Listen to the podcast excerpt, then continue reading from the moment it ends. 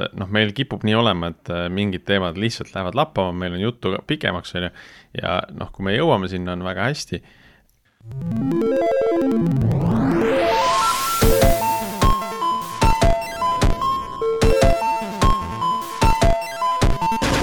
tere jälle Algorütmi kuulama, eetris on meie saja üheksakümne teine episood, mina olen Priit Liivak Nortalist ja koos minuga täna Martin Kapp Pipedrive'ist. Äh, Tiit meil puhkab kuskil merel, nii et teda meil täna ei ole, aga täna on meil külas Rein Remmel, kes on äh, sellise ettevõtte nagu Entigo tegevjuht ja Rein, ole hea, tutvusta ennast ise meie kuulajatele pisut, et äh, millega sa võib-olla varem tegelenud oled ja kuidas sa Antigoni jõudsid, et see on meie selline klassikaline algus, klassikaline algustutvustus. Oh, nüüd sa viskasid nii suure küsimuse, et kus alustada, et. teeme terve episoodi kohe äh, olen IT-sektoris olnud kuskil niisugune kakskümmend aastat.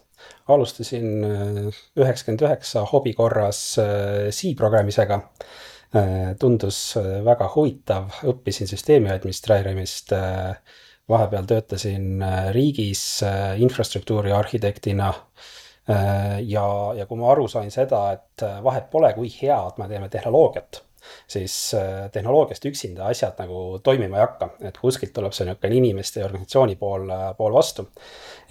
siis suurusjärk kaks tuhat kaksteist Äh, hakkasin ennast harima teemal organisatsioon.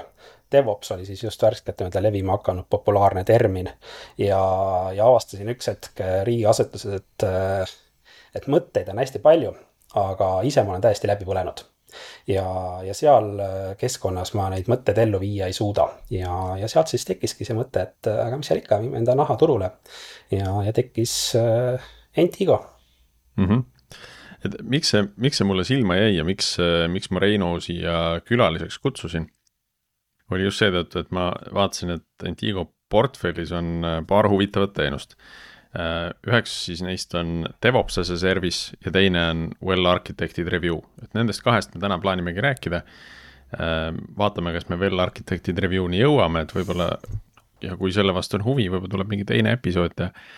aga alustame just sellest äh, DevOps as a service'ist ja miks, miks see mind nagu intrigeeris, oli just see, et kas DevOpsi saab ikka teenusena pakkuda, et noh, milles see üldse nagu seisneb, et siin räägitakse, et, et noh, DevOpsit vaadeldakse rohkem nagu mõtteviisi, on ju. ja, ja kui sa ütled nagu, et DevOps as a service, et noh, siis see tähendab nagu midagi muud, et kas, kas see on siis nagu selline konsuldi teenus, mille raames te seda mõtteviisi mingite tiimideni viite või siis noh, või siis on see teine, teine pool, mida kohati nagu taunitakse, et DevOps engineer on mingisugune roll olemas, on ju, mis siis äh, täiendab olemasolevat tiimi, et noh, et et kuidas, kuidas Antigo seda teeb, kuidas, kuidas sina seda näed, et et mis asi see on ja kuidas seda õige teha on? noh, jah, seal selle teenuse nimetamisel me Äh, tükk aega mõtlesime, kuidas seda kutsuda ja ise, ise ma nõustun ka, et DevOps pigem on niisugune kultuurifilosoofia või niisugune pehmem pool. ja, ja natukene nii-öelda kriipis selle, selle termini panemine äh, veebilehele, aga samas, kui sa nüüd vaatad otsingu, otsingusõnasid, siis, äh, siis vähegi turunduses välja tulemiseks see oli nii-öelda parim kombo. et aga, aga ma nõustun, et et tõenäoliselt kultuuri või mingisugust filosoofiat teenusena pakkuda on väga keeruline et. aga marketingi mõttes, näed, töötas ta, minul nagu kohe klikkis ära ja, ja siin sa oled. Priit kohe vajutas, pupp et noh, kui me, kui me Endigot alustasime, siis, siis see kirjeldus, et mida me teeme, oli hästi lihtne. et me teeme süsteemi administraatori teenust sellisel kujul, et arendusmeeskonnad on õnnelikud väga paljusti ta nagu kattub selle DevOpsi filosoofiaga, et sul on eesmärk tarnida kvaliteetsemat teenust ja teha seda kiiremini ja, ja selle jaoks tuleb nüüd siis nii-öelda sillutada tee selle arendusmeeskonnale, et võtta nende kõik nagu takistused eest ära, et nad saaksid keskenduda sellesse, milles nemad on tugevad, ehk siis arendada äh, kasutajatele uut väärtust mm. -hmm. see on see natuke selline platvorm-tiimi nagu jah, eks siit tulebki äh, suuresti jaguneda kaheks, et üks osa on see platvormi ehitamine. et kui sa DevOpsi võtad, et seal on see automatiseerimine väga tugevalt sees ja ja noh, igal, igal meeskonnal enda automatiseerimise töövahendeid arendada ei oleks mõistlik ja üleüldse, kui sul on meeskonnas väga nii-öelda andekas arendaja, siis sa ei taha tema ressurssi raisata äh, ma ei tea, AWS-i infrastruktuuri ja Kubernetese punumisele. No see ongi ilmselt see koht, kus nüüd nii-öelda see DevOps engineer'i roll on tulnud, et, et inimesed, kes tõesti nagu igasuguseid CI pipeline'e nagu läbi ja lõhki tunnevad ja suudavad neid une pealt nagu äh, paremaks ja automatiseeritumaks kirjutada, on ju et, et võib-olla kui arendaja selle võtab ühes projektis ette ja siis kuue kuu pärast või aasta pärast järgmises projektis, et ta peab nagu uuesti tagasi ree peale saama, on ju, ja natukene mingite uute vahenditega tutvuma, on ju, et et, et siit tõenäoliselt see DevOps engineer'i roll ka nagu sündis millalgi, et noh, et paneme siis ühe inimese, kes kogu aeg teeb selliseid asju ja, ja hoiab ennast teemadega kursis ja teab, mis maailmas toimub ja ku, kuidas neid asju õigesti teha, on ju aga mida see ja. siis tähendab nagu ütleme, et kui mul on nagu siis sihuke väike firma või suur firma, vahet ei ole, et mul, mul on lihtsalt palju arendajaid, kõik on jube ägedad, siis võtan teiega ühendust ja mis siis saama hakkab? siis ma tahan aru saada, et mis on see probleem, mida sa lahendada tahad et sa oled endale majja võtmas väga suure tüki keerukust, mis ei ole teab mis mitte odav. et kust see kasu tuleb sinu jaoks? mis sinu jaoks paremaks läheb? no ma tahan, ma ei tea, mingi Euroopas hästi kiiret veebisaiti pakkuda. peaks rohkem raha teenida. rohkem raha teenida vot, vot, vot see on täitsa õigele lähenemine, et rohkem raha teenida, et, et üks niisuguseid kliendisegmente ongi tegelikult kasvufaasis ettevõtted, kes on leidnud niisuguse product market fit'i, neil on tekkinud kasutajaskond ja nüüd on tek-, sattunud uue probleemi ette.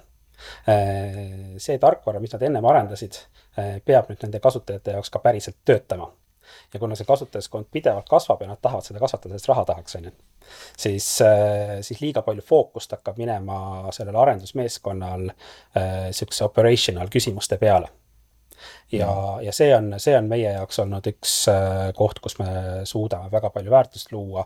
ehk siis võtta seda operational nii-öelda rolli enda kanda, ühest küljest siis nii-öelda tulles sisse nende inimestega, kellel on selles valdkonnas kogemus ja teisest küljest siis äh, pakkuda nendele arendajatele ka tuge niisuguse operational äh, kompetentsi pealt, et mida sa tarkvaraarenduses ja arhitektuuris peaksid jälgima selle jaoks, et see toode, mis sa arendad, oleks tulevikus äh, töökindel, töötaks kiiresti, oleks hallatav et see sellega ennast võib-olla, ma ei tea, pooleteist aasta jooksul kinni ei mängi mm. -hmm. aga nüüd noh, see oli nii-öelda üks näide nendest klientidest, kes, kes sellisest teenusest huvitatud on, et ilmselt on seal ka teine äärmus, et suured korporatsioonid, kes tunnevad, et nad on kuidagi ajale jalgu jäänud ja nüüd tahaks mingisugust DevOps transformatsiooni teha, et noh, toome siis nagu, toome siis ettevõtte sisse, kes meile selle DevOps transformatsiooni ära teeb et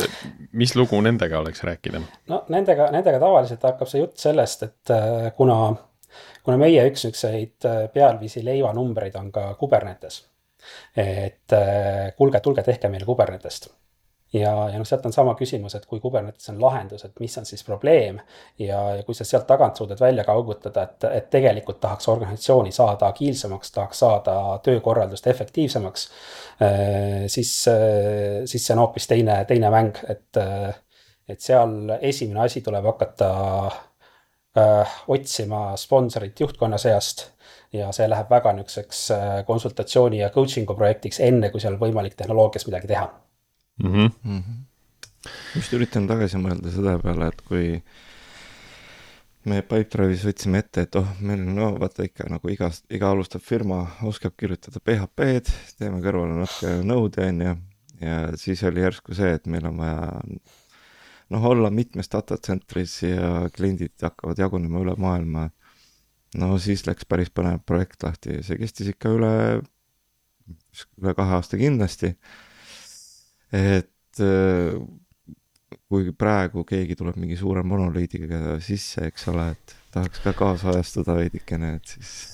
Martin, kas sa, sa tead, kas, kas seal vahepeal oli mingit sellist, äh, sellist mõtlemist ka, et keegi, keegi ähm, vaatas sellele peale, mida tehti ja mõtles, pagana arhitektid, mida oli vaja sihukest asja välja mõelda siis nagu no ma kahtlustan, et ikka oli vahepeal jah lihtsalt siiamaani töötas ju kõik jumala hästi no. päris kindlasti oli aga, aga no vajadus oli ka ikkagi, reaalne vajadus, mingisugune põhjused olid ikkagi olemas, et miks meil oli vaja seda teha lihtsalt. aga seal, seal oli see juhtkonna buy-in oli juba olemas, on ju, et see coaching'u töö mm. oli, oli eeldatavasti juba tehtud, et et äh, kõik mõistsid seda väärtust. jah, seal, seal ongi see suur vahe, on ju, et äh, kas sa oled äh, nii-öelda suur korporatsioon, kes, kes nii-öelda töötasandil tunneb, et on tarvis hakata midagi muud tegema. või siis sa oled äh, kasvule suunatud äh, ettevõte, kes äh, juhtkonna tasemel nii-öelda otsib võimalusi, kuidas kiiremini liikuda, et noh, seal, seal ongi väga suur vahe, et mm., et esimesel vers-, esimesel juhul sul on tarvis saada kõigepealt see juhtkond kaasa mõtlema ja, ja see ei pruugi olla üldse lihtne mm.. seda, seda ma näen ise Nortalis nagu üsna palju, et et just seal töötasandil on mingi valupunkt, kas on siis meie tiimidel või tegelikult rohkematel tiimidel on mingi valupunkt, et tahaks kiiremini tarnida, tahaks, et see tagasiside oleks eh, nagu nobedam. aga see tõrge ei ole noh, praktiliselt mitte kunagi tehnoloogiline. et, eh, et pigem on see ikkagi kuskil mujal ja ma usun, et sellest näiteks mõnest näitest me saame siin täna veel ka rääkida. Aga, aga seal on natuke keerulisem see, et, et noh, kuidas sa seda, äh, kuidas sa seda buy-in'i nagu saavutad, äh, kui, kui noh, meie oleme justkui nagu arenduspartner, et siin peab nagu mingeid, mingeid samme tegema selleks, et kuidas jõuda siis äh, enda vastas olevast kliendist kaks sammu kõrgemale, selle tema, tema juhini või kõrval olevate tiimideni või selle top-level arhitektini, kes siis tegelikult selle otsuse teeb ja ütleb, et jaa, nüüd kõik need vendorid hakkavad tegema niimoodi, on ju, hakkavad teistmoodi tööle. Et eh, noh, me oleme seda teinud ja see on, see on nagu üliäge tunne, kui see õnnestub. aga vahel on see nagu selline noh, blokker, et sa lihtsalt sõidad peaga vastu seina ja no, no ei tule, no sa ei saa läbi sealt lihtsalt. et eh, proovid ühe ja teise nurga alt, et noh, see on kindlasti üks, üks suuremaid väljakutseid nagu sellise, sellise transformatsiooni juures. jah, et äh noh, me oleme võtnud väga, väga niisuguse prag-, pragmaatilise lähenemise, et, et, et minna seda teed üldse kaasa mõtlema, siis, siis see kontakt, kellega sa selles organisatsioonis suhtlema hakkasid, tema peab olema väga tugev nii-öelda motivatsioon ja ta peab olema isiksuselt niisugune, kes suudab enda mõtteid ülespoole müüa. Et, et see, et me tuleme nii-öelda väljase par-, väljas partnerina, hakkame seda teed nagu tühjalt kohalt üksinda rajama, et see on, see on mitmeaastane nii-öelda müügitöö, et mm -hmm. siukseid projekte ei jõua teha mitu tükki aastas aga mm. on siis selliseid hulle lugusid ka olnud, et kus alguses tundub, et kõik on nagu hästi ja siis ühel hetkel tõmbate juhtme seinast, ütlete, et kutid, tehke oma organisatsioon seestpoolt korda, et meie nagu noh, me ei saa siin edasi rohkem nagu teha, et. loomulikult on, et selles, me oleme seda tööd kümme aastat teinud, meil on väga palju olnud võimalik õppida, kuidas, kuidas mitte teha et on, on olnud neid äärmuseid, on ju, kus, kus meeskond, meeskond tahab ja juhtkond lihtsalt ei tule kaasa või on ka siis olnud neid kohti, kus äh, juhtkond võtab ise initsiatiivi. et kuulge, teeme. ja, ja siis on lihtsalt äh, et oh, projekt on ju järje peal, huvi kaob ära. ja kogu mm. asi sumbub, et noh, need on, need on need kohad, kus endal on tarvis pärast äh, peeglisse vaadata ja õppida ja, ja teha järelduse, mida järgmine kord teha teistmoodi mm. -hmm. et justkui see projekt saab sellest august nagu välja ja juhtkond vaatab, noh, nüüd on kõik hästi. tiksume samamoodi edasi. aga, aga... siit tekib küsimus, et kas, aga kas see, sihukestel projektidel on nagu üldse sihuke asi nagu, et nii, et nüüd on tehtud nagu? ei. mis see, mis see, täpselt, mis see definition of done on, on, on, on, eksisteerib sihuke asi. see on see continuous improvement äh, tsükkel, et sa saad luua mingisuguse baseline'i ja sul on kindlasti tarvis ära defineerida, kui sa lähed seda projekti tegema, et mis on see baseline, kuhu sa tahad selle, selle iteratsiooniga nüüd jõuda. Mm.. ja, ja see baseline ei tohi olla kaks aastat, et see peab olema pigem niisugune kuu maksimum, et muidu, muidu kui sul ei ole tulemeid, siis äh, inimesed kukuvad maha et noh, mul on endal on see hästi-hästi keeruline, et ma olen ise nii-öelda äh, inseneri taustaga Äh, hiljuti ka just võtsin ühe projekti, kirjutasin siin natukene koodi, ehitasin ühte pipeline'i, hästi mõnus tunne oli, kui kogu süsteem sai nii-öelda äh, tunni ajaga sai valmis võrdluseks siis need projektid, kus sa võtad, paned energiat ja higi sisse kuus kuud, enne kui sa näed esimesi päris tulemeid. et seda kiiret tagasisidet on tarvis, muidu, muidu meeskond kukub maha, aga samas jah, see ei ole niisugune asi, mis sa ütled, et nüüd on tehtud, me enam selle peale ei mõtle mm. -hmm. see eesmärgistamine on üldse nagu huvitav pool, et äh, noh, kui nüüd pakkuda DevOpsit teenusena, et kuidas, kuidas noh, see eesmärgistamise protsess on ka selline konsultatsiooniprotsess rohkem ju, et te istute kliendiga maha, mõtlete koos, et millised eesmärgid me nüüd seame tuues kaasa siis enda, endapoolse kompetentsi, et noh, millised need meetrikad võiksid olla, mida siis Äh, mida siis selle, selle konkreetse projekti või keskkonna mõttes nagu kõige otstarbekam mõõta oleks, on ju. et noh, min-, minule endale tundub, et äh, vahel isegi tiimid vajavad nagu mitmetasemelisi eesmärke. et noh, et seesama üks, millest sa rääkisid, et midagi, mis on hästi lühike, aga samal ajal kuskil peab olema see ankur ka nagu, mis, äh, mis on see suurem, et noh, me näemegi, et et me tegime selle pisikese ära, me teeme järgmise pisikese ära, kolmanda, neljanda, aga tegelikult me näeme, et kuskil mingi teine number ka nagu läheb nagu natukene paremaks, on ju. ja noh, sellest võime siis kuidagi seostada, et me liigume enam-vähem õigel, õigel teel, on ju. et muidu, kui seda teist ei ole, noh, siis on, siis on see tunne, et on üks, üks väike projekt järgmise järel, noh, et ma ei tea, nüüd teeme siin selle automatiseerime ära, teise automatiseerime ära, teeme mingid muudatused, on ju. Noh, kogu aeg teeme midagi, aga noh, mis siis nagu see lõpptulemus on, et miks me, miks me seda kõike teeme nagu? mulle endale meeldib selle koha peal hästi see agiilse planeerimise niisugune tsükkel või mudel, et mis on, et ta, et ta algab sul sellest, et sa sead pikaaegse visiooni, niisugune kolm kuni viis aastat. seda sa vaatad kuskil kord aastas üle, siis on seal visiooni all on sul mingisugune teekaart Äh, nükk-, et kuhu või mis, mida, mida sa tahad valmis saada nihukese aasta perspektiivis. seda sa vaatad kuskil kaks korda aastas üle ja nüüd selle teekaardi all hakkavad sul tekkima need reliisid. et niisugune kuu või kvartali vaade ja, ja selle reliisi alla siis on võimalik teha iter-, arenduse iteratsioone, mis on need tavalised niisugused nädalapaarised äh, äh, Scrum või mis iganes parajasti on valitud. ja, ja seal all siis äh, päevaplaanid, et et, et tavaliselt, kui sa selle mudeli võtad ette ja, ja hakkad küsima, et, et mis me need nendest, nendest eesmärkideks siis kuskile tasemetele paneme, siis see, mis avastad, on see, et inimesed on välja mõelnud küll, et kuhu nad võib-olla tahaksid selle reliisi tsüklis saada. aga, aga mis on see pikem visioon? see reeglina jääb väga tühjaks ja, ja siis sageli ongi see esimene töö, mida sa hakkad koos kliendi meeskonnaga tegema, on sellesama visioon, teekaart, äh, vahetulemid, arendusiteratsioonid, et seda, seda nii-öelda mudelit nii-öelda kokku planeerima, et aga kuhu me siis üldse liigume ja kus kohas see kasu tuleb.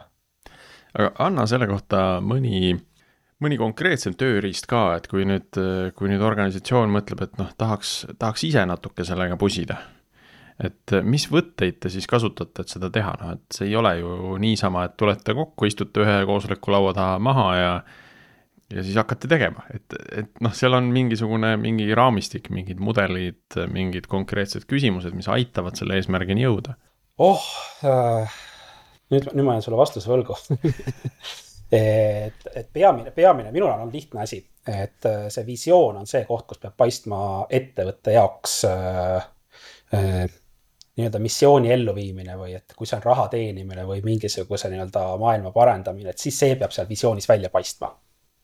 et see on kindlasti üks asi, et kui see visioon, mille suunas me ei liigu või liigume, kui see ei kõneta ettevõtte tegevjuhti, siis see on mõttetu asi, mis me teeme mhm, et see peab äh, nagu mõlemat pidi kõnetama, et nii seda tiimi kui siis ka tegevjuhti, eks? see on see koht, kus tuleb äh, tehnoloogia ja äri tulevad kokku. et me kõik liigume selles suunas äh, ja, ja see peab mõlemat kõnetama. järgmine asi, et noh, hästi lihtne on sinna defineerida niisuguseid ümaraid mulje, et mm. teeme maailma paremaks. täpselt, või saame turuliidriks. et see asi peab olema mõõdetav.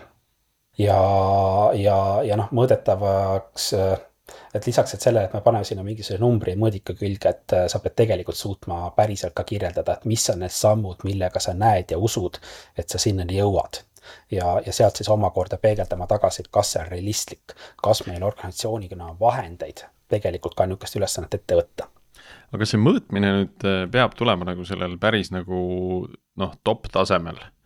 et, et miks ma seda küsin, vaata noh, et kui me, kui me mõtleme, ma ei tea, toome näiteks äh, Bolti, äh, kes ilmselt ajab mingisugust sustainable asja taga, et noh, et more sustainable future siis võib-olla see ei ole nagu mõõdetav, aga kui me läheme nagu kiht allapoole, siis me suudame äh, väga selgelt äh, mõõdetavad meetrikad paika panna nii-öelda iga äh, iga siis teenuse sellise vertikaali kohta, noh et food delivery autod on ju äh,, siis see taksoteenus ja rattad on ju, et kõigil on mingi oma äh, meetrika, mis siis hästi selgelt äh, on juhitud sellest äh, kõrgemast missioonist. Aga see kõrgem missioon ise ei ole nagu äh, ei, aga mitte, see, see vajab jällegi vaata niisugust teistmoodi harjutust ju, eks ole. ma ka kunagi olen nii-öelda sama vision map'i oma tiimiga teinud, noh, meil oli lihtsam, aga, aga võtta seesama Bolt, eks ole, et et aga kust sa tead, et nende visioon ei ole noh, väga ambitsioonikas näiteks, et vähendada autode süsinikhapegaasi footprint'i ühe protsendi võrra globaalselt tasemel. Noh, et, et mingis mõttes see on mõõdetav, aga, aga no. kas see?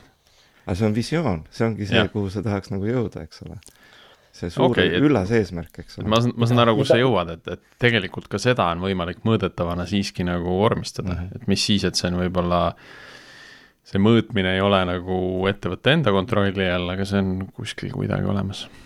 noh, tead sa, nüüd sa, nüüd sa juba räägid niisugust ettevõtte impact'i mõõtmisest. Et noh, minu jaoks äh, nii-öelda oluliselt lihtsam näide on, äh, on see Youtube'i äh, OKR-ide näide et miljard tundi video vaatamist oli see nii-öelda ülemise taseme, taseme eesmärk ja, ja siis kõik nii-öelda arendused ja tegevused, mis nagu tehti äh,, vaadati nende mõju selle eesmärgi suhtes mm. -hmm. Neil on see ilmselt täis nüüd ja, see nad tegid ära jah see on juba päris vana raamat mm. -hmm. nojah, see, see sõltub või noh, siin on veel ju lisaterminid tõesti, et võib-olla see on nagu pigem see North Star, aga et siis, mis, kuidas seda tõlgitakse siis sisemiseks. aga see on niisugune huvitav, su huvitavad harjutused tekivad sealt või niisugused mõtteülesanded, et noh, et mis see siis on nagu ikkagi, et kuidas, kuidas vormistada see nagu mingiks mõõdetavaks asjaks?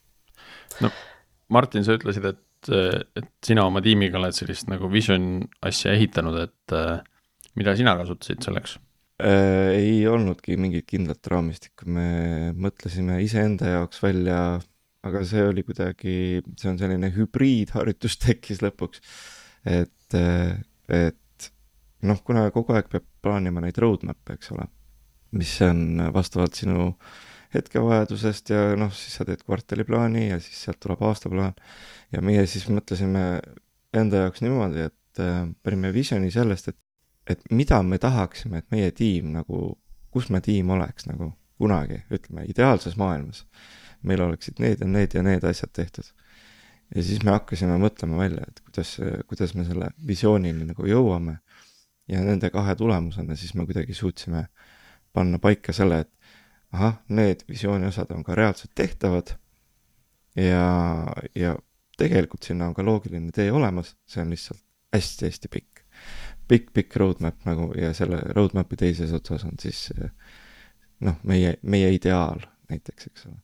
aga meie tiim on ka võib-olla noh, et kui ma võrdleks seda, et eh, kui meil oleks mingid noh, meil on tootetiimid, platvormitiimid, on ju, et võib-olla platvormitiimina mina hetkel näen, et võib-olla on seda nagu lihtsam teostada, et, et seda, mis see ideaalne maailm on, sest et tootetiimid tihtipeale peavad ikkagi reageerima ka turule sellele, mis toimub, mingitele muudele meetrikatele, et et see väga mm -hmm. pikka visiooni ka keeruline. tootetiimid peavad, peavad reageerima äh, siis nendele streamline tiimidele, kes reageerivad turule, nii et mm -hmm. noh, mhm.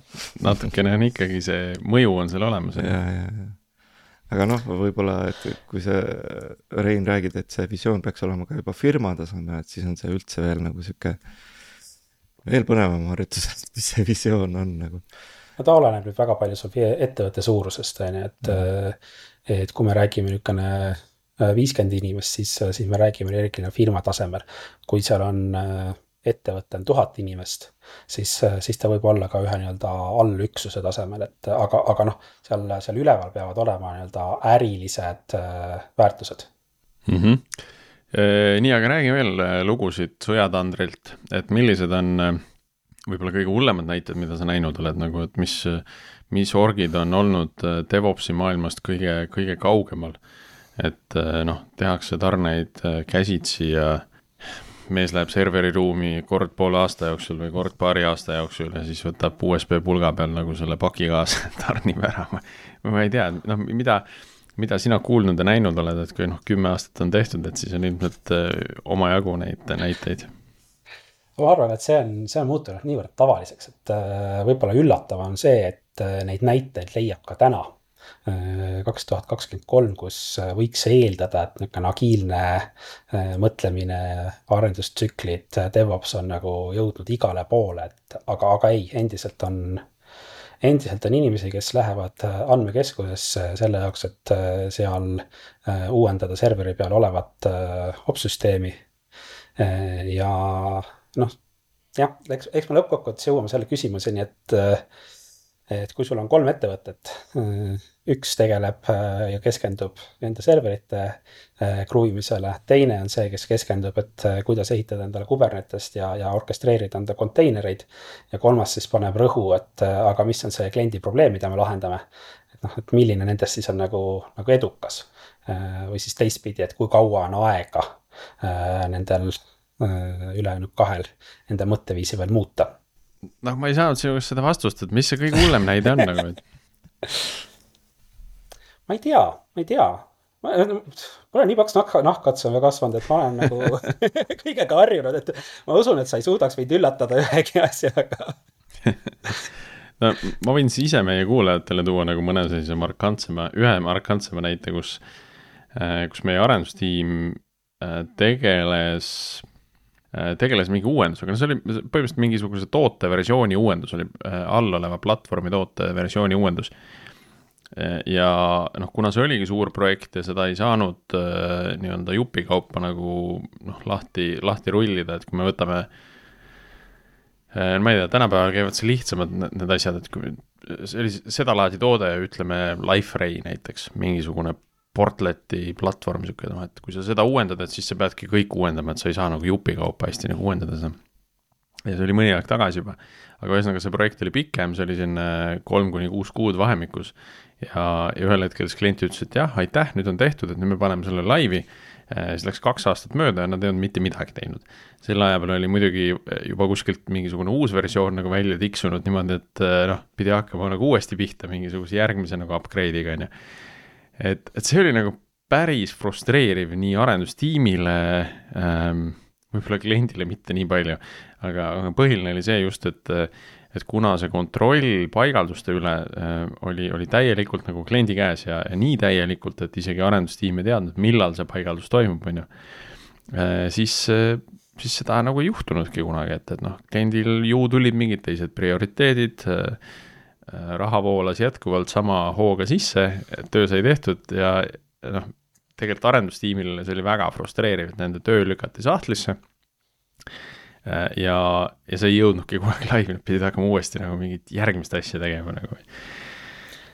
noh, see on see niisugune klassikaline näide, et, et kui DevOpsi eesmärk peaks olema see arendus- ja haldustiimid tuua kokku, et nad nagu teevad asju koos Äh, on tagasiside, on, on võimalik selle tagasisidele reageerida, et noh, siis see on see klassikaline näide, et sea seda ei olnud mm. -hmm. sul oli nagu kaks täiesti iseseisvat silatorni.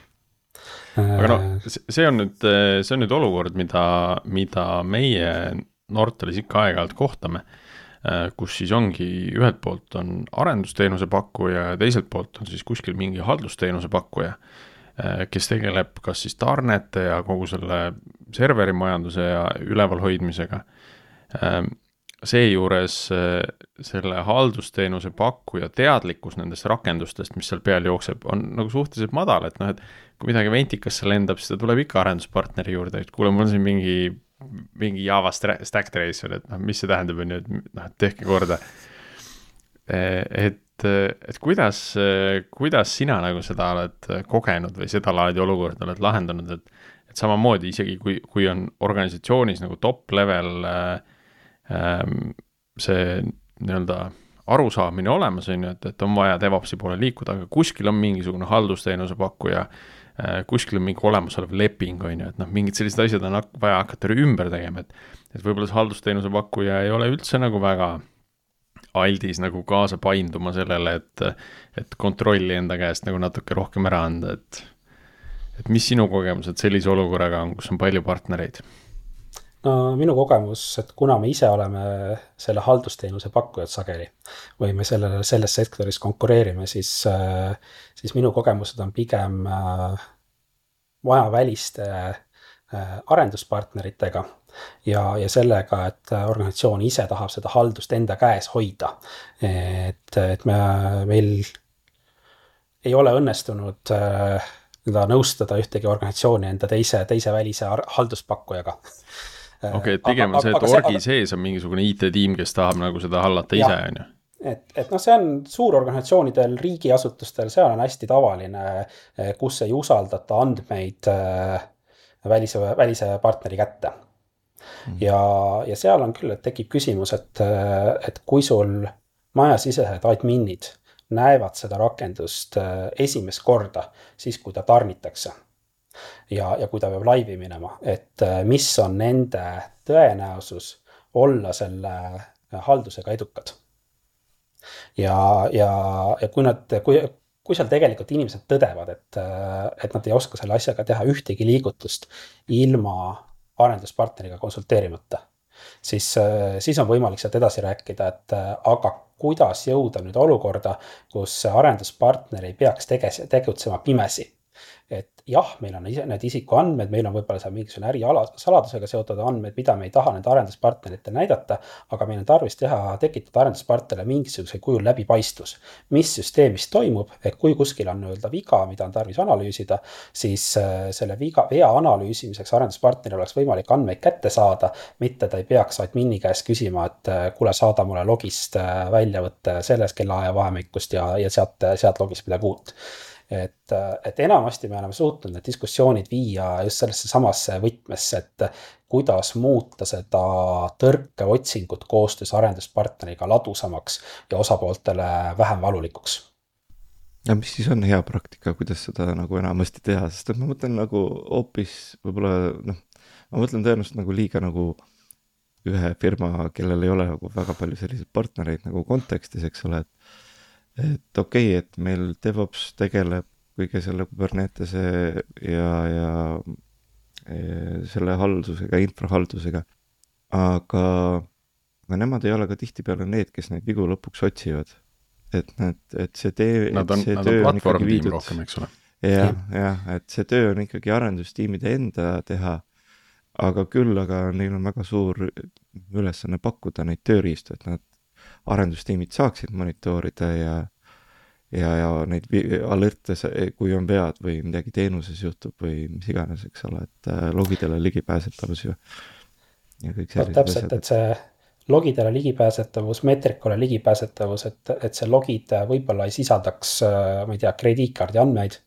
Äh, et noh, niisugused asjad on see, mida see platvormi meeskond saab, saab teha ja mida, mida tegelikult tuleks teha ka kõikidel nendel organisatsioonidel, kes ei lase arenduspartnerit enda andmetele ligi. Et äh, väline arenduspartner on väga hea nii-öelda abiline eesmärkide saavutamisel, aga ta ei saa teha tööd pimedas. Mm.. no et siin minu jaoks on alati töötanud hästi selline äh, kolme, äh, kolmetahuline nagu lähenemine, et ühelt poolt on äh, noh, okei okay,, see on, ma juba tegelikult räägin sellest kolme tahu nagu viimasest kahest, et ühelt poolt on sul mingisugused standardid, mingid juhised, on ju, kuidas sa ütled, et asju peaks tegema. noh, näiteks seesama, et krediitkaardi andmed või isikuandmed ei tohiks jõuda logidesse, on ju. aga teiselt poolt peab mingi kontrollmehhanism ka olema, mis nagu jälgib seda ja see kontrollmehhanism eh, eelistatult võiks olla sellest tiimist nagu väljaspool, et see ongi kas siis äh, Äh, platvormtiimi teha, kliendipoolse arhitekti nii-öelda juhtida, et kuidas see asi ära tehakse, on ju. Äh, kas siis nendepoolne IT-tiim nagu tagab selle ja, ja tõstatab teatud hetkedel, kui mingisugust rikkumist on märgatud, on ju, et äh, et, et sellisel kujul see töötab kõige efektiivsemalt, et mõlemal poolel on enda huvid nagu äh, Äh, mingis mõttes mängus, et arendustiim tahab neid logisid saada maksimaalsel kujul ja teisel pool keegi nagu natuke aeg-ajalt tõmbab pidurit, ütleb, et äh, kuulge, et ärge nüüd seda nagu välja logige, et tehke oma asi korda, on ju. Ähm, et kui nagu üks inimene või üks tiim peab kandma mitut mütsi, et siis on, siis on nagu raske aeg-ajalt seda mütsi nagu vahetada ja see, see ei ole kõige efektiivsem ja sujuvam protsess. ja, ja seal on see oht ka, eks ole, et kui arendustiim ise haldab neid logisid põhimõtteliselt või noh, et eh, kuidagi saab äh, sul on, tekib kiusatus logida igasuguseid muid asju ka peale krediitkaardi andmete, mida võib-olla samamoodi äkki ei ole hea mõte üles logida. just, just, just, et on nagu probleem, tahaks nagu ära lahendada, lihtne viis on, on logida natuke liiga palju. paneme logisid juurde ja jah, ja noh, sama teema on, ütleme ka selle, ütleme logide, logide mahu mõttes, et ja. kui me liiga palju logime, siis see hakkab ju kuskilt äh, logiserveri kettapinda nagu koormama tegelikult pikas plaanis. Äh, jällegi asi, mida võib-olla arendustiim ise ei peaks nagu sada protsenti, nad peaks olema teadlikud, et nad ei tohi liiga palju logida. aga, aga nemad ei pea olema seal see, see politsei, kes seda kettaruumi nagu jälgib aktiivselt. Äh, ja, ja see info, et kuulge, nüüd hakkab minema üle piiri või et see, see võiks tulla kuskilt mujalt nii, aga ma arvan, et me nüüd jõuame nagu vaikselt sinna, sinna veel arhitektide poole äh, tegelikult, et see, millest me räägime, on natukene selline, selline operational excellence ka, on ju, et kuidas nagu, kuidas nagu monitoorida ja jälgida kõiki neid süsteeme niimoodi, et, et, et kõik oleks efektiivne ja kvaliteetne. et see on see teine teenus, mida nüüd, mida nüüd te pakute, on, on Well Architected Review. Äh, ma saan aru, et teete seda ainult AWS-i põhjal või peamiselt AWS-i põhjal või? Äh,. jah, noh, me oleme niisugune pisikene butiik, et täna seitseteist inimest, et äh, sellega jõuab vaevalt AWS-i ära katta, et mm. -hmm. et kes siis ei tea, et äh, AWS-il on selline asi olemas nagu Well Architectidi raamistik millega nad on siis defineerinud mingisuguse portsu selliseid tugisambaid, millele mida siis võiks arvesse võtta enda pilveteenuseid Äh, pil-, pilve peale teenuseid arendades siis. ja, ja lisaks on nad sinna peale veel teinud, äh, nemad nimetavad neid nii-öelda läätsedeks, lensis või.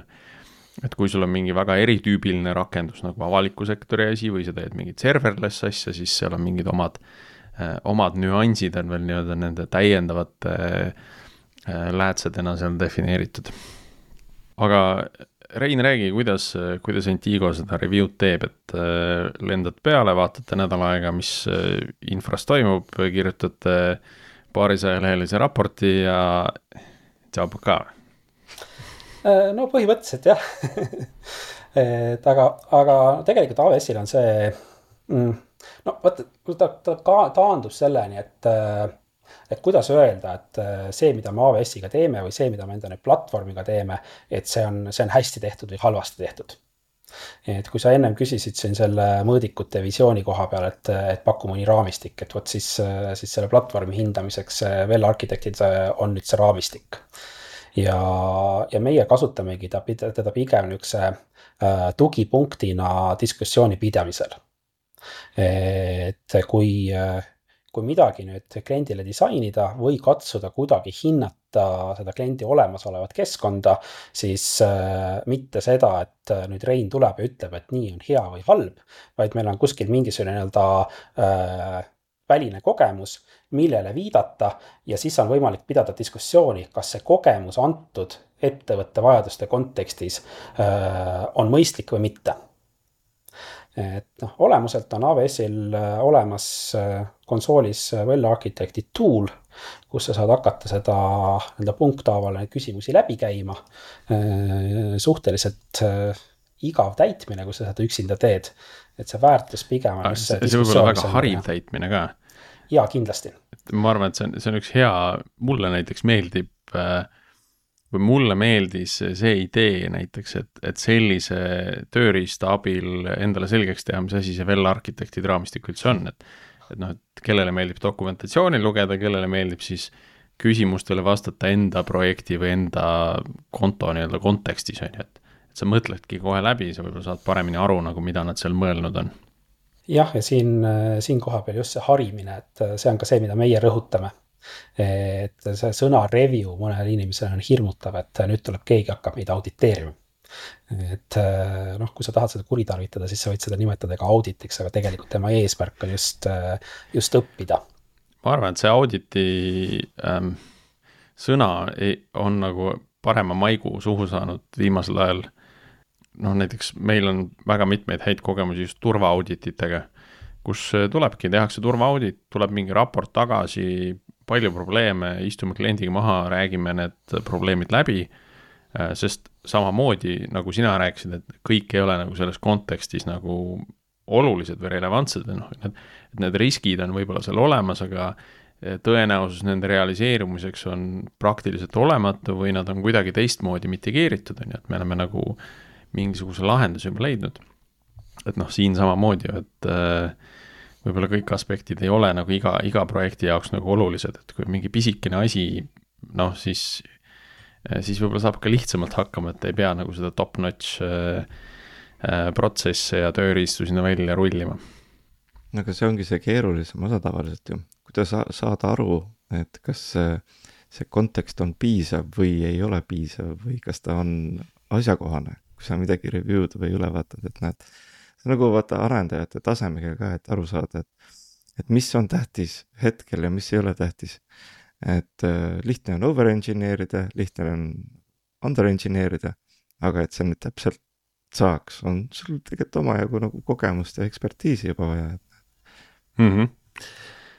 aga Rein, kuidas sa ise hindad seda, et, et kas sellist asja üldse on võimalik ise teha või, või noh, sellist nagu review'd ise teha või et pigem ikkagi nagu tiimid ise on, on selles kontekstis natuke liiga kallutatud, et nad on kuidagi äh, võib-olla natukene sellised roosad prillid on peas, on ju, et et kas see erapooletu vaade kõrvalt on nagu äh, igal juhul parem või, või pigem parem?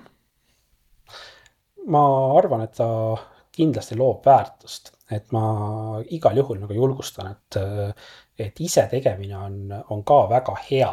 Ja, ja sa saad neid noh, küsimusi, mida sa, millele sa pead hakkama vastama ja osa nendest küsimustest on ütleme, ebamugavad. aga, aga see kolmas osapool just toob, äh, toob mängu selle, et, et ta ei tunne sinu organisatsiooni, ta pole ära harjunud nende nii-öelda dogmadega, mis sul organisatsioonis on. ta oskab need dogmad nagu esile tõsta ja, ja siis ne, nende kohta nii-öelda küsida, et, et ta paneb sind mõtlema, et et oi, et see, mis ma siin viimased kolm aastat iga päev teinud oleme, et aga äkki niimoodi ei peakski. kuidas sa, kuidas sa müüd seda? nagu noh, selles mõttes, et, et äh, seal on ju mingid dogmad, äh, me oleme viimased kolm aastat midagi teinud ja see töötab. nii, aga noh, et siis tuleb, keegi ütleb, et oo oh,, me peaks hoopis teistmoodi tegema ja see tähendab, et mingeid asju tuleb ümber ehitada, mingit protsessi tuleb muutma hakata, et et äh, mis see nagu väärtus selle taga on, et me, jah, me saame öelda, et me teeme nagu turu parimate praktikatega nagu järgi asju, aga noh, mis siis? ei, see turu, turu parim praktika, see ei ole absoluutselt müügiargument. see ei tööta, on ju Äh, turu parim praktika on see nii-öelda ekspertteadmine, mida sa saad, äh, aga nüüd, äh, et kas see sinu puhul ka väärtust loob või mitte, et see on, see on nüüd su enda nii-öelda hinnang. ja, ja noh, see on see, miks, miks ma ütlen, et on tarvis igal juhul aru saada sellest ärilisest kontekstist. Et tegelikult need, needsamad kõik need nii-öelda AWS-i arhitektuursed valikud, need töökorralduse nii-öelda küsimused, et need, need taanduvad sellesse, et kas sa suudad siduda selle valiku nüüd ärilise väärtusega. et kuidas see valik mõjutab äh, täna ja, ja võib-olla ka aasta perspektiivis äh, ettevõtte käekäiku nii, aga mis siis paremini töötab, kas see hirmutamine või, või siis äh, porgand, et et noh, et öelda nagu Äh, kui siin rääkida näiteks turvalisusest ja mingitest kasutajahaldusest, on ju, et kuidas nagu ligipääse hallatakse, et öelda, et jaa, et sa nüüd, kui me selle korda teeme, siis sa saad aasta pärast kasvada kaks korda suuremaks, või öelda, et kui me selle korda teeme, siis mm, ai, ai, siin tuleb mingi jama järgmise kahe aasta jooksul, pane tähele. No või kui me seda korda ei tee, et siis tuleb jama, on ju, sorry. hästi lihtne on hirmutada, hästi lihtne on hirmutada, aga ja. see on igati vastu minu nii-öelda loomust, et äh, ma ei ole hirmutaja. et igal juhul äh, see, kui sa suudad äh, olla positiivne, leida nagu seda väärtust üles, et see on nagu see, mis äh, paneb inimestel nii-öelda silma särama ja, ja aitab inimestel kaasa tulla. ja, ja siis need inimesed tõenäoliselt tulevad ja aasta pärast ja tahavad sinuga veel koostööd teha. aga selleks peab üsna palju seda äri äh, teadma ja nende eesmärke teadma et noh, et öeldagi, kui, kui, kui minnagi selle ütlemisega, et sa saad aasta pärast kahe, kaks korda suuremaks kasvada ja siis juhtkond ütleb sulle vastu, aga noh, meil ei ole sellist ambitsiooni, et sorry nagu, et noh, et siis seal sa pead midagi muud leidma, mis, mis nendega resoneerub.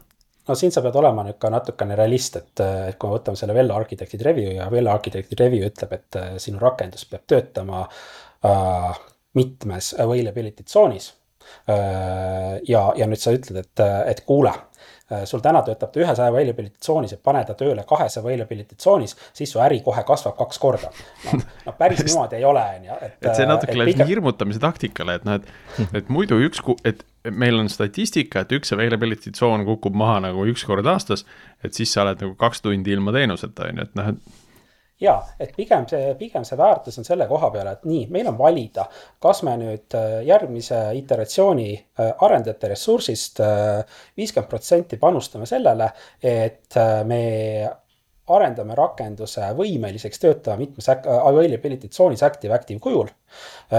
sellega me leevendame riski, et näiteks tuleva aasta jooksul meil on kolm tundi katkestust või teisest küljest, kui me nüüd vaatame täna, et aga see kolm tundi katkestust äriliselt. tead, Rein, sa oled sellest, sa oled sellest väga osavaks saanud, et see tõesti see, mis sa ütlesid, oli väga positiivselt sõnastatud äh, äh, negatiivne asi, et noh, et me väldime katkestuse tekkimist, on ju, mitte ei ütle, et et sul tekib tõenäoliselt üks kolme, kolmetunnine katkestus, et me väldime kolmetunnise katkestuse tekkimist aga vot see, see tegelikult noh, nüüd ma läksin vastuollu selle AWS-i well architected review soovitava nõudega, on ju, et kõik sul peab olema mitmes availability tsoonis. sest väga sageli äh, äriliselt see ei olegi mõistlik Mm -hmm. aga nüüd on see on, kas, et kas nüüd tehniline inimene võtab, äh, jälgib seda nii-öelda paberit äh, samm-sammult, nii nagu nõuded on. või siis sa suudad teha selle nii-öelda kaalutletud otsuse, et selle riski aktsepteerimine meil täna on mõistlik, sest meil on mõistlik seda nii-öelda arendaja aega panustada teise kohta. et noh, seal on väga suur vahe, on ju mm -hmm.. pluss see kulu ja, ja pingutus ka, eks ole, et kolm tundi äh, downtime'i versus kõik see aeg, mis sinna läheb, et see asi nagu vastavusse viia. Äh, et võib-olla see, me saame seda kolm tundi äh, süsteemi maasolekut kannatada nagu hea mitu aastat, enne kui see kulu üldse nagu jõuab järele nagu sellele investeeringule, mida seal tarvis teha oleks mm. -hmm. ja sedasama raha siis kasutada kuskil mujal, eks ole see on just nagu sellise riskianalüüsi koha pealt väga kasulik, et, et, et noh, et kust maalt, et siis on sul ka võimalik küsida kellegi käest lõpuks, et aga kust maalt siis me otsustame, et nüüd on liiga palju downtime'i, et kas kolm tundi on okei okay,, on, on aktsepteeritav, kuus tundi, aga kaks päeva. kust maalt jookseb see piir, et nii ei, tegelikult ikkagi enam ei sobi nagu. hea koht, kus klient mõtlema panna, et mm -hmm. oh. tahtsin seda öelda, et, et hästi-hästi lihtne on äh, jääda sellesse nii-öelda tehnoloogilisse äh, lahendusse kinni ja, ja nii-öelda äh, vaadata ja lugeda, mida siin, ma ei tea, Google, Amazon teevad ja, ja soovitavad ja, ja ütlevad, et on hästi lahe ja hästi vägev. aga, aga sellest tuleb kuidagi nii-öelda välja saada ja mõelda, et aga kas ma sellest kasu ka saan mm. -hmm. mis, mis see, väärtus on? mingi episood tagasi me rääkisime sellest, et, et kuidas nagu tänased noored on kasvanud ja, ja äh, jah, kasvanud ja siis oma kogemusi kasvatanud selles keskkonnas, kus ainult räägitakse mikroteenustest. et need on kõik see õigemad asjad ja õige viis, kuidas tarkvara ehitada. et noh, nad on juba nagu oma Äh, siis selle keskkonna tõttu nagu kallutatud võib-olla natuke rohkem sinnapoole, natuke liiga palju, on ju, et hoolimata sellest, et täna juba räägitakse sellest, et et kõik, kõik, kõigest, mis sellega kaasneb, igasugused kulud ja lisakeerukus, on ju, ja saadakse nagu aru, kus see väärtus on võib-olla paremini kui, kui kunagi varem ähm,. aga jah, et kui sa selles keskkonnas nagu kasvad ja õpid, on ju, et äh, kuidas siis saada välja sellest mullist ja mõelda, et äh, oot, et äkki nagu on mingeid teisi lahendusi veel, on ju, et äh, et mulle tundub sama, sama teema nende Vella arhitektide raamistikega, et äh, et need on nagu üks viis, kuidas asju teha, kui sa oled hästi suur, sul on hästi palju teenuseid või palju kliente, eks ole, ja sul on päriselt seda vaja. ja kui sa jooksutad ühte-kahte teenust seal pilve peal, et noh, et siis võib-olla kõiki neid kellasid ja vilesid päriselt ei ole vaja, et siis peab nagu väga tõsiselt järele mõtlema, et mida siis, mida siis vaja on, see ei ole lihtne mõtteharjutus mm.. vot siin on see koht, kus sa küsisid, et kas see nii-öelda väline osapool nii-öelda on vajalik. et, et siin ongi vajalik seda, et keegi küsiks neid ebamugavaid küsimusi. et muidu, muidu, muidu sa võid kinni jääda nendesse dogmadesse mm. -hmm. just, ähm, kas sa siin oskad mõnda kehva näidet tuua? Et hakkasite kuskile vaatama sisse ja siis noh, sõnum oli see, et oot, et meil pole mõtet seda raportit kirjutada, et et lihtsam on, et me teeme kõik uuesti, et võtame kogu selle infra maha, sest siin on kõik nii valesti tehtud, kõigil on äh, root access ja nii edasi uh, jaa, see on väga, väga tavaline, et, et sa vaatad selle ole, olemasolevale olukorrale peale ja, ja siis nii-öelda vaikselt hakatakse seda kõike refaktoreerima. Aga, aga ma arvan, et see mikroteenused, mida sa mainisid, et see on hästi levinud, et uh, kui sul on ikkagi olukord, kus sul on kümneliikmeline arendusmeeskond ja nad on suutnud endale kolmkümmend mikroteenust teha siis, äh, siis tekivad seal väga sageli need küsimused, et kas, kas nii-öelda äh, protsessisisese kommunikatsiooni äh, liigutamine TCP/IP ühenduse peale, et, et mis on see väärtus. et, mm, et jah ja, ja. Mikro, mikroteenused väga sageli need kohad, kus tuleb rahulikult istuda kas olete andnud mõnele kliendile soovituse ka, et läheme tagasi? hakkame nüüd monoliidiks ehitama? ja, ja, ja, et äh, kõige markantsem näide vist oligi see, kus, äh, kus klient näitas äh, entusiastlikult rakenduste arhitektuuri, kus tal oli tehtud sisuliselt iga andmebaasi tabeli jaoks eraldi rakendus. ja, ja siis õnneks, õnneks ta sai väga kiire, õnneks ta sai väga kiiresti aru ka, et kui ma küsisin talt, et aga mis väärtust see andmebaas seal loeb, loob, et mm. -hmm. Cool. jah Äh, ärge nii tehke, mõelge ikka asjad läbi ja kui tunnete, et endal jääb jõudu puudu, siis äh, kutsuge keegi, keegi appi äh, nii, aga ma arvan, siinkohal tõmbame tänasele episoodile joone alla ka. aitäh sulle, Rein, väga põneva vestluse eest, mul on hea meel, et me jõudsime mõlema teemani, saime rääkida nii DevOpsist kui veel arhitektidest. ja aitäh, Martin, osalemast, aitäh meie kuulajatele ja jääme taas kuulmiseni järgmisel nädalal Thank you.